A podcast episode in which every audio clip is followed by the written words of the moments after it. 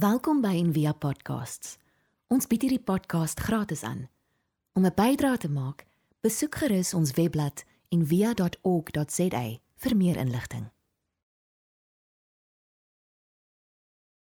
So we've been doing a, a, a, short little sermon series on. It's titled "More Than Enough," and it's about having and desiring and giving and all of those things, things that have to do with money and possessions and consumerism and all those kind of beautiful things that we need to talk about. And it's, I was actually reminded this morning by my friend, who's the pastor in the church in Randburg, that during October, it's, no, it's the month of Sukkot, so the Jewish festival of Sukkot, the feast of the huts. So where they build, literally build a little hut that you live in for a couple of days, and they celebrate and remember um, the time in the wilderness when God provided for them. So it's traditionally in the church during this month that people tend to give a little bit extra and they tend to collect more money for the poor and do stuff like that. So it's beautiful that we're also speaking about this this month. So the text that we just read in First Timothy is one of those that's also like it doesn't always like sit that well. It's like not a really nice text to always hear. And Francho also said like that's really difficult to respond to because it's, it talks about desire and like wanting more. And those that want more money and want more wealth won't know Christ. Like it literally just says it as plainly as that. So I want to talk through that text a little bit and kind of maybe pull it apart and just talk about a, like a couple of ideas and how do we, as people that walk after Jesus or that follow Jesus, how do we, how do we think about things like wanting and desiring more and, uh, and about having. So just to recap and read that text again, it says, but godliness with contentment is great gain. For we, were, we, for we brought nothing into the world, and we can take nothing out of it. If we have food and clothing, we will be content with that. So, what Paul does is he writes, he sets like a minimum, and he says, This is like the basic. Like, if you have food and clothing, you should be fine. And I think for most of us, the thought of having only food and clothing would be frightening going that that seems like very, very, very little. And so I think that our desires for something like just being happy with just this is difficult because it's very easy that we slide into just basic food and clothing is fine. And it's like, now I've got basic food and clothing. I want just like a little bit nicer food and clothing. And from going, I've got now I've got the nice food and clothing, and then nice is not nice anymore. Now I want to like level up a little bit more. And, um, and I think that it's very easy for us as human beings to sort of fall into that sort of downward little spiral of wanting more and more and more and more before we realize it. And although it's very sort of, especially when you have, um, for those of us that have kids or that are in relationships and with families, you want the people that you love, you want them to have enough. And you want more than that. You want them to have the best. And you want to do everything that you can to give them that. And that's, and that's very praiseworthy, of course, to want like good things for your family and for your children and for those that you love. But it's, it's sort of encapsulated in that is the pitfall and is the danger. And that's the very thing that, that, that Jesus warns about when he talks on the Sermon on the Mount. Like the desire, the desire for more causes or the worry that you have because you want all these things and the worry for, about all these earthly goods and earthly things, like that makes you anxious. And that's what keeps you up at night. It makes you worry because now you have all these things. A friend of mine always used to say when he spots like, a, you know, a very expensive car, he says, well, he can't sleep at night, but at least he can drive comfortably to work. and it's like that sort of a thing. So, um, so it's, as this letter points out, the eagerness kind of to be rich opens the door to putting the goal ahead of God, going that that becomes the focus, to just want and want and want more. So, and as I mentioned a, a week or so ago in one of the other sermons, there's this word that Paul uses, and it's completely grabbed my attention in the last couple of weeks. I can't stop thinking about it. It's this really cool Greek word that I never knew I never knew the complete meaning and the implication of it. And if you were here a couple of weeks ago, you'll know it. It's called autarkeia. right? So autarkia means contentment, to sort of be fine. And it means to be self sufficient, to be able to provide for yourself. And all of us, we can go, well, that's really pretty cool. Like to have all my needs met. That's something that, and Paul writes, when he writes about it, he says in 1 Corinthians, like, and in 1 Timothy, he uses the same word. And he says, when it, that is the, it's the gift of God to be content, to have enough, to have like all your needs met. But as I said the other day, like our needs can become a pretty damn long list but what we actually need. And this idea, autarkia, was not just something that Paul used. He sort of very possibly borrowed it from the Stoics. And the Stoics, just to dig into this word a little bit more, the Stoics were like this group of people, this group of philosophers, and this philosophy, Stoicism, that the basic idea behind Stoicism is that you anything that happens to you is fine.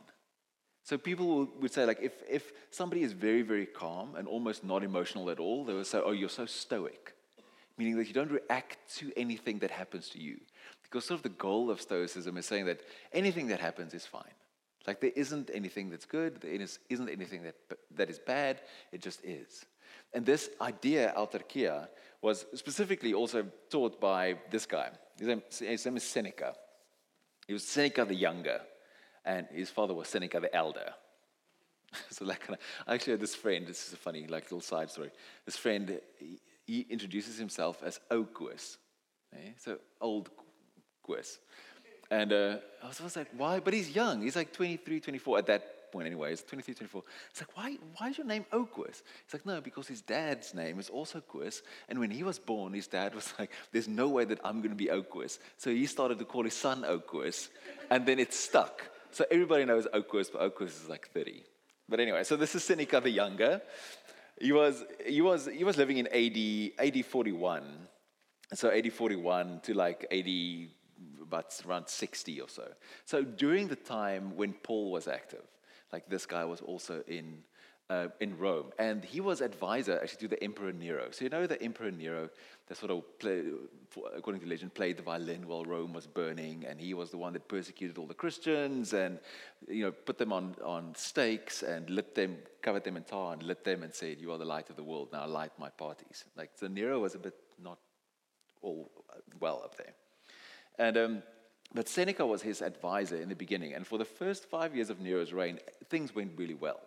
And then Nero accused him of um, treason, which was probably false. According to all the like kind of historical accounts, it seems like he was falsely accused, and Nero commanded him and forced him to commit suicide. So uh, there's lots like written about Seneca's suicide actually, because he had to like cut himself so he'd bleed to death, and he would, he, according to the story, he got into this got into this bath so that he could bleed out. And he died in this very stoic way, like this very accepting, calm, completely peaceful way. So, this idea that, so Paul actually takes this idea, this like autarkia, this stoicism, this accepting all things and being satisfied with just like the bare minimum.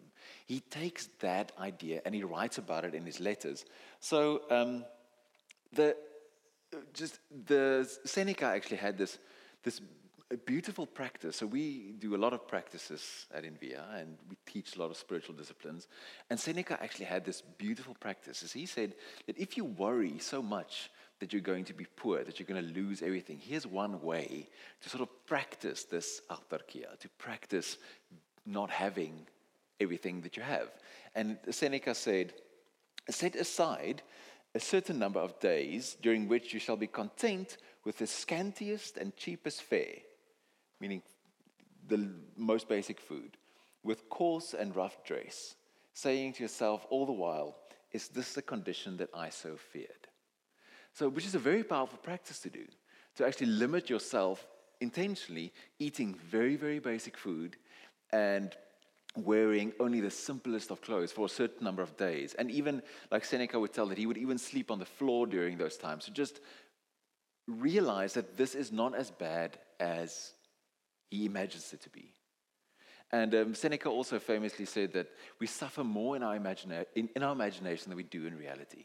So it's still these ideas. And Paul, to a large extent, seems a lot closer to the Stoics than he actually does to Jesus in this sense. Like Paul, this idea of contentment we find in Paul's letters all the time. So here in Philippians 4, he says, I've learned to be content, autarkes, with whatever I have. I know what it is to have little, and I know what it is to have plenty. In any and all circumstances, I've learned the secret of, well, of being well fed and of going hungry, of having plenty and being in need. So I don't know about you, but this little verse is not one that you put on your fridge. Like, it's not the one that says, like, I have the greatest plans for you, everything is going to be awesome. Like, it's not that. This is scary, and this verse has scared me like for years. So I hardly ever preach on it because I like I don't want to own that too much. Like whether you're poor or rich, it's fine. Like I can be happy and content, and that's like a big, big claim to make. But can you see how Paul and Seneca sound exactly the same? They're going, be happy with a lot, be happy with a little. It's fine. And Paul sounds very stoic. So. Um, Paul, in all of his letters, he does this. He says in First, uh, Thessalonians, he also says to the people, if you don't work, then you don't eat. Saying that you need to be able to take care of yourself. And that's a very stoic idea, like being self sufficient. He says, be dependent on no one. And Paul, as well, he worked with his own hands. So he was a tent maker and he worked with his own hands and he would tell the churches, I don't need to, any money from you so that I can say what I want. So I'm not dependent on you, I'm self sufficient. Now, so Paul's language echoes that of the Stoics, like very, very much. And all these kind of the Stoic practices are beautiful things that we can learn. And because we like to think of ourselves as a community of practice, there's like a ton of practices that we can all do to help us not want that much or not be so dependent on wanting that much. Because human beings are funny things. We, we always, we're always comparing ourselves with somebody else right? It's sort of a, I think, like a, a leftover from evolution to see who's the biggest, who's the biggest and the strongest one in the group. So whenever you're walking into a room, you um, automatically, like your little lizard brain is sizing everybody up. Like who's the who's the wealthiest, who's the strongest, who should I be scared of, who am I stronger than, who am I wealthier than, to try and get yourself to the top of the heap, right? And uh, it's I think it's exactly this, like this natural tendency, that Paul starts to teach against, and Jesus as well, that Jesus teaches against and say, this is not a good idea. This road leads to disaster. It leads to anxiety and stress and fear and everything else. So there's a ton of practices that we can do, and modern day ones as well, to help us to not desire that much and to not be dependent so much. So here's one of our um, sort of modern day saints. You know who this is? Marie Kondo. Right? It's not Marie, it's Marie. Marie Kondo says she does, she famously now, it's now called the KonMari method, where you kind of empty your house of all your possessions. Who, who here has done it? Who has not done it? Right? So the, the way that you do it, it's really beautiful and powerful. The way you do it, you take everything that you own and you take each little object and you say, example, if I take, okay, now this is Jesus, so it might be a bit weird, but so you take each object and you go, does this bring me joy? Does it spark joy for me? And if it doesn't, then she recommends that you thank the object for the joy that it brought to you in the past, and then you let it go. You either give it away, or you sell it, or you throw it away. Right? And it's powerful. Like it's a very, very powerful way to just get rid of stuff because our lives are just filled with too much stuff. Another practice is just September was thrift month. Any like thrift buyers, thrift shoppers in, in the room, right? Really cool practice and really like a, great one to not be buying new clothes all the time. Clothing industry is actually the second biggest polluter in the world next to oil.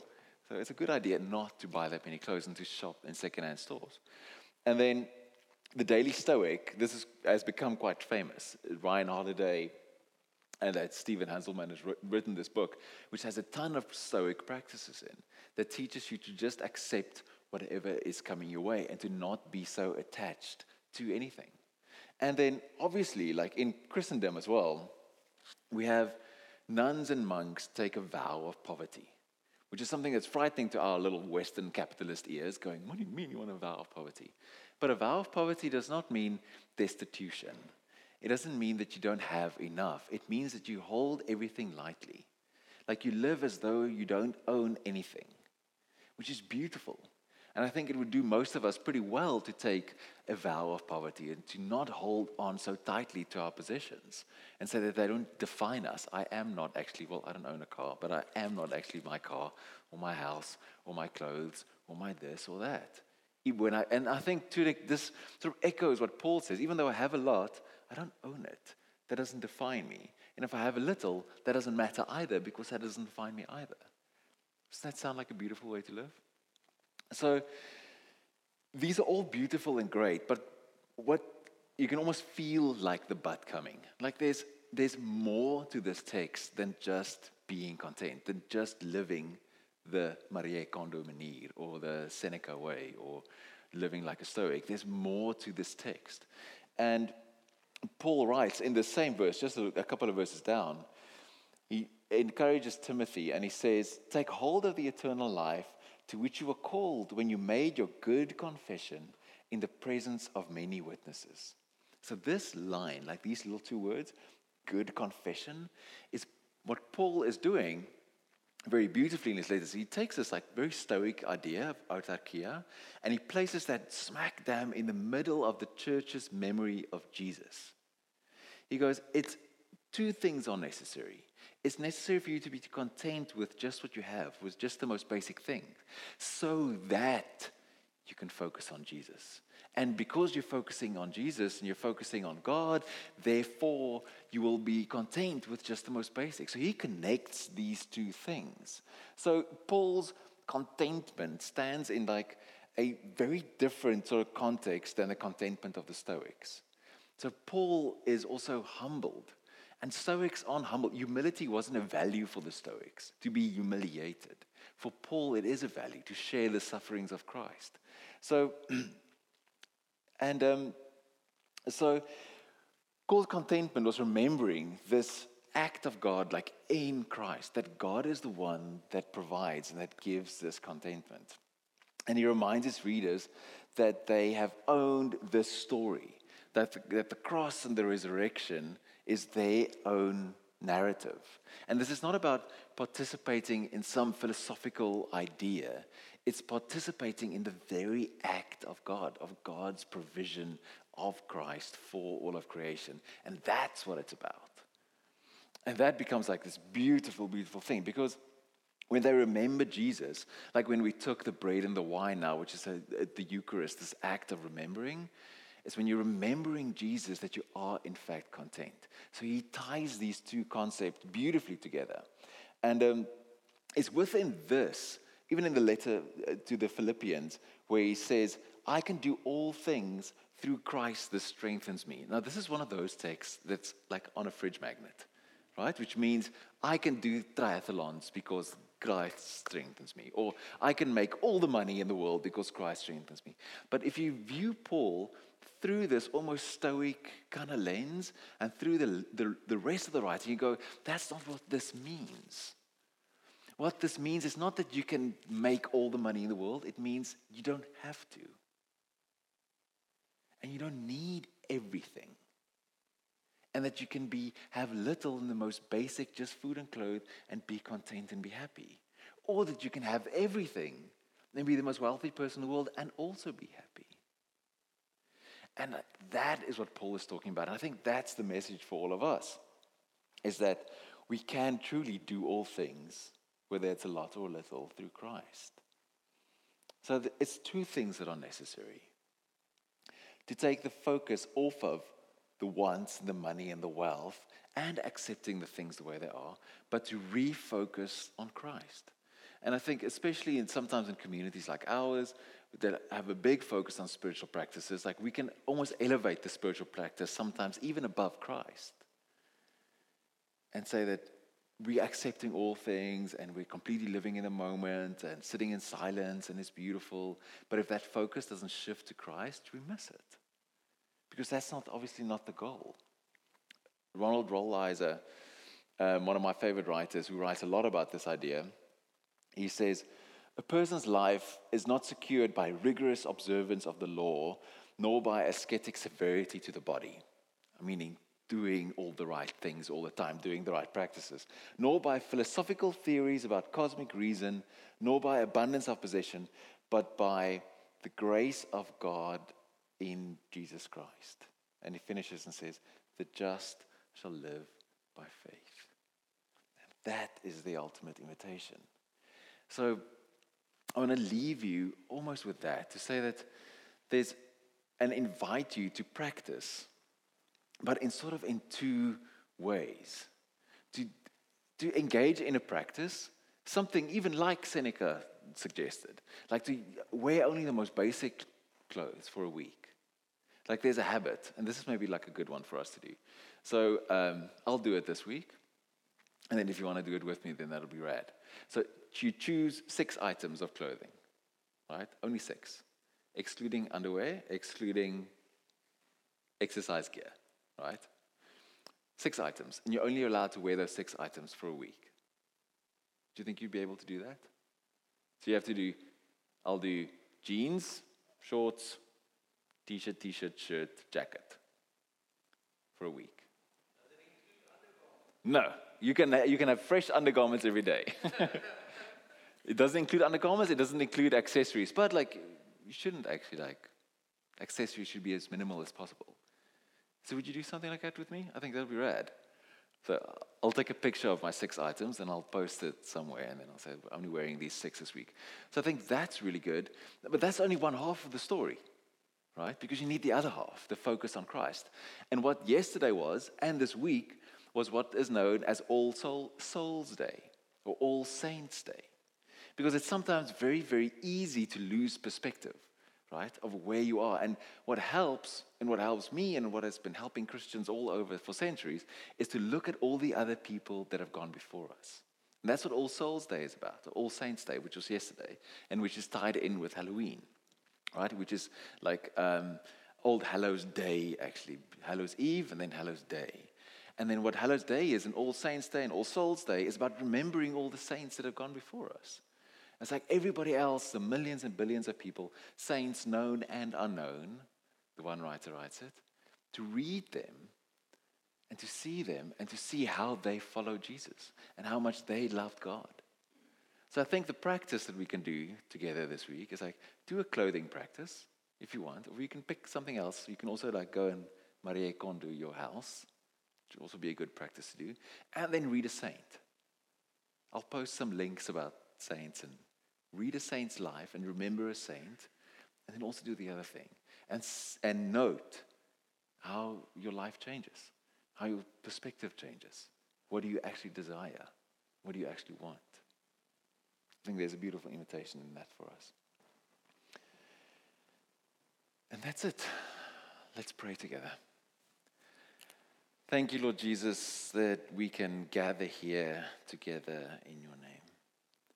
Thank you that you love us and that you guide us and that you are with us. Help us to focus our desire and our heart on you and not on having more. And help us to be content with either little or a lot. Help us to live with open hands and to hold our possessions and our wealth and everything lightly so that we can share with others and that we can give away. Thank you that you love us. Amen.